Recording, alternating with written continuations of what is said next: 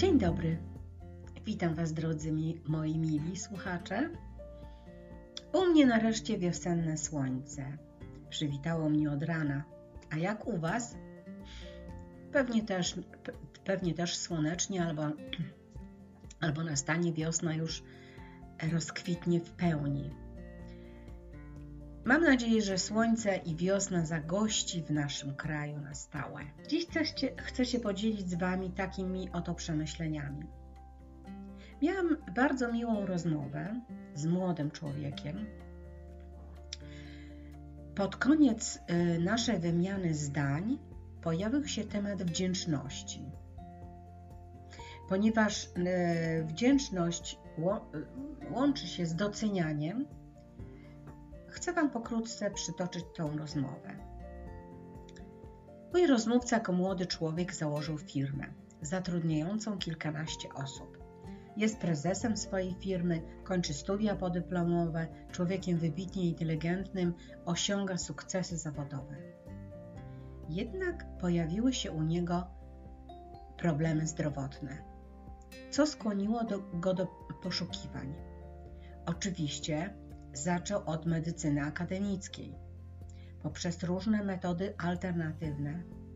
I wszystko to na chwilę dawało ukojenie, ale później znów pojawiały się te same dolegliwości. Więc mój rozmówca postanowił rozszerzyć swoje zainteresowania rozwojem osobistym. Po czytaniu książek, poznawaniu różnych metod, doszedł do wniosku, że potrzebna mu, halo, wdzięczność.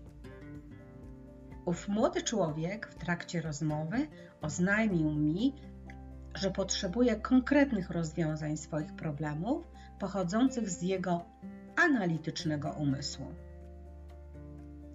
I też pochodzi, podchodzi w ten sposób do zagadnienia wdzięczności.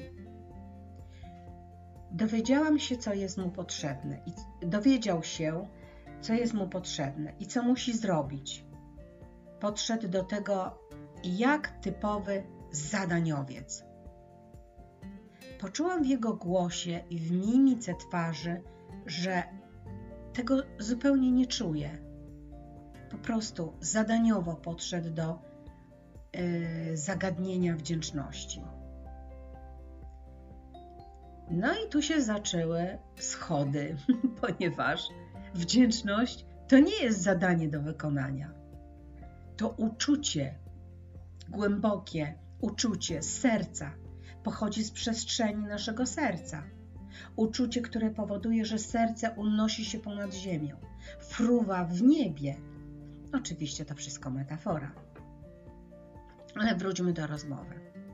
My, ludzie zaprogramowani, zostaliśmy, żeby wyłącznie używać lewej półkuli, skąd pochodzi analityczny umysł. Dzieje się tak od początku naszej edukacji. Większość nauk, pojęć trzeba zrozumieć pamięciowo przez lewą półkulę.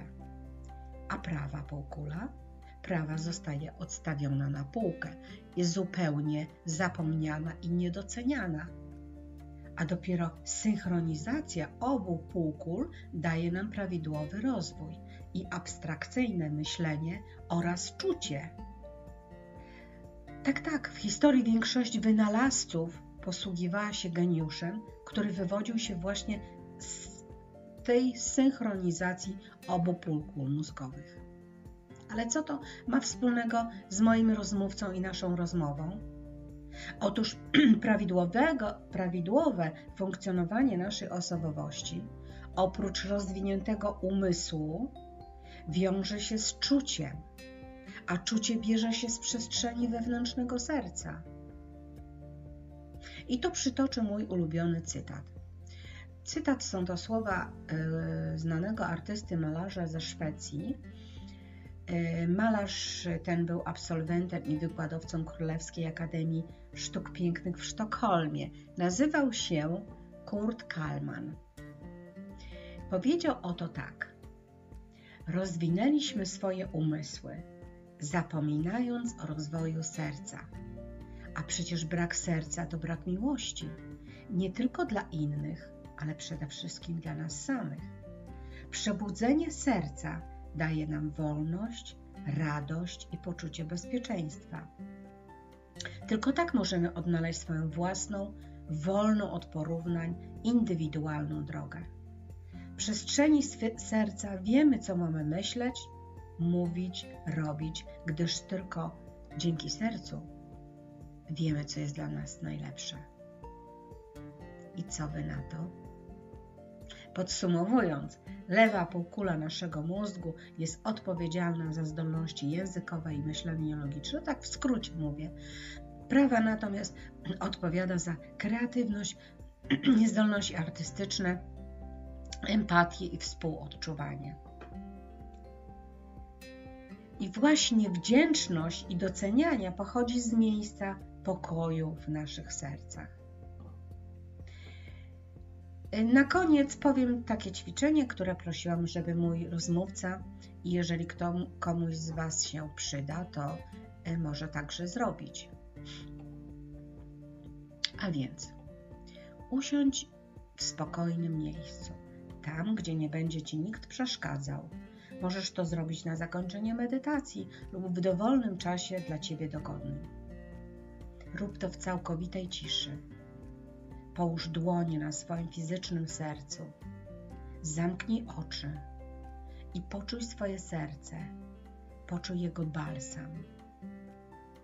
Oddychaj sercem. Poczuj jego moc, poczuj jego siłę, poczuj wdzięczność za wszystko, do czego ono cię pobudza. Poczuj magię wdzięczności. Komunikuj się z własnym sercem. Bądź w przepływie fali życia i poczuj, jak serce się otwiera. To ćwiczenie to czysta abstrakcja. Żeby je wykonać, trzeba pobudzić do działania całą naszą istotę i fizyczną, i niematerialną. Czy mój rozmówca poczuł to z wnętrza swojej istoty?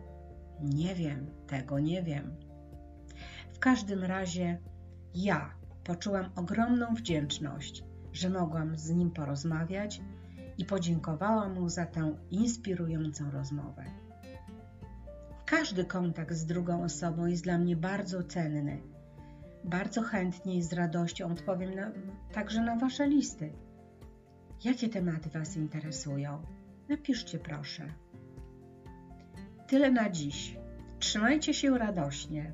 Rozsyłajcie radość i bądźcie zdrowi. Do następnego razu.